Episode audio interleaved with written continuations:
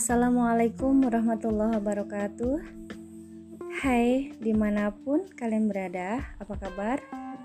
Kembali lagi bersama saya, Eka Safitri Yang pada sesi kali ini, saya akan membacakan sebuah buku yang berjudul Muda Beriman Jadi Idaman.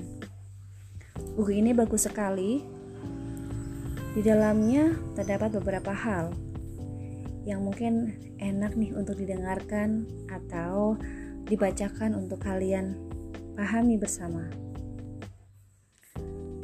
Ada sebuah lagu Darah Muda, darahnya para remaja yang selalu merasa gagah, tak pernah mau mengalah. Masa muda masa yang berapi-api, yang maunya menang sendiri. Walau salah tak peduli, darah muda. Mungkin kita semuanya tidak asing dengan lirik lagu ini. Iya, lirik lagu Roma Irama menggambarkan bagaimana perilaku dan sifat remaja kebanyakan yang terjadi saat ini. Semua mungkin pernah merasakan ataupun sedang merasakan masa ini. Masa di mana menjadi saat pencarian jati diri, mencoba menunjukkan sesuatu yang ada di dalam diri, serta ingin menunjukkan eksistensinya. Sudah menjadi sifat alamiah manusia yang pada dasarnya ingin tahu segala macam hal, mencari tahu apa yang dilihat, didengar, dan dirasakan. Pada saat usia belasan atau baru menginjak 20 tahunan, insting ini berubah dan bekerja lebih keras untuk mengetahui hal apa pun yang terjadi di sekelilingnya. Coba perhatikan apa saja sih yang dilakukan para pemuda di sekeliling kita yang kelak akan menjadi penerus bangsa saat ini? Tentu saja jawabannya sudah sangat beragam. Mulai tak jarang lekat dengan tindakan seks bebas, narkoba, minum-minuman keras, dan kehidupan jalanan yang penuh dengan kekerasan. Naudzubillah.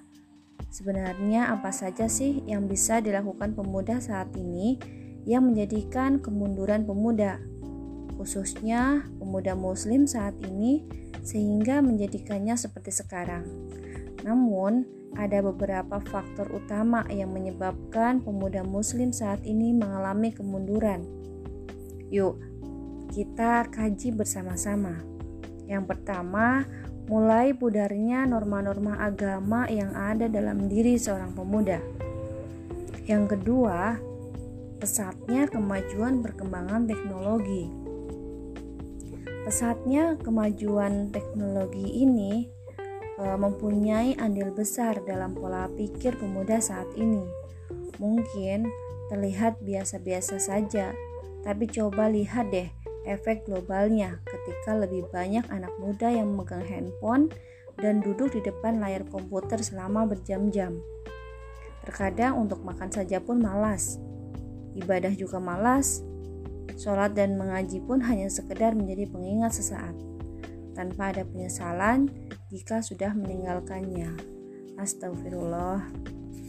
Dan yang ketiga, ada lingkungan sosial. Ini yang paling berpengaruh dari beberapa contoh tersebut. Iya, lingkungan sosial ini paling memiliki pengaruh yang besar dalam perkembangan pola pikir anak muda saat ini. Saat remaja menuju proses pendewasaan merupakan masa-masa yang labil dan mudah terpengaruh. Karena setiap dari kita pasti sedang sibuk mencari jati diri kita yang sebenarnya. Dalam tahap ini, tak jarang banyak yang malah terjerumus dan terpengaruh akan lingkungan yang negatif.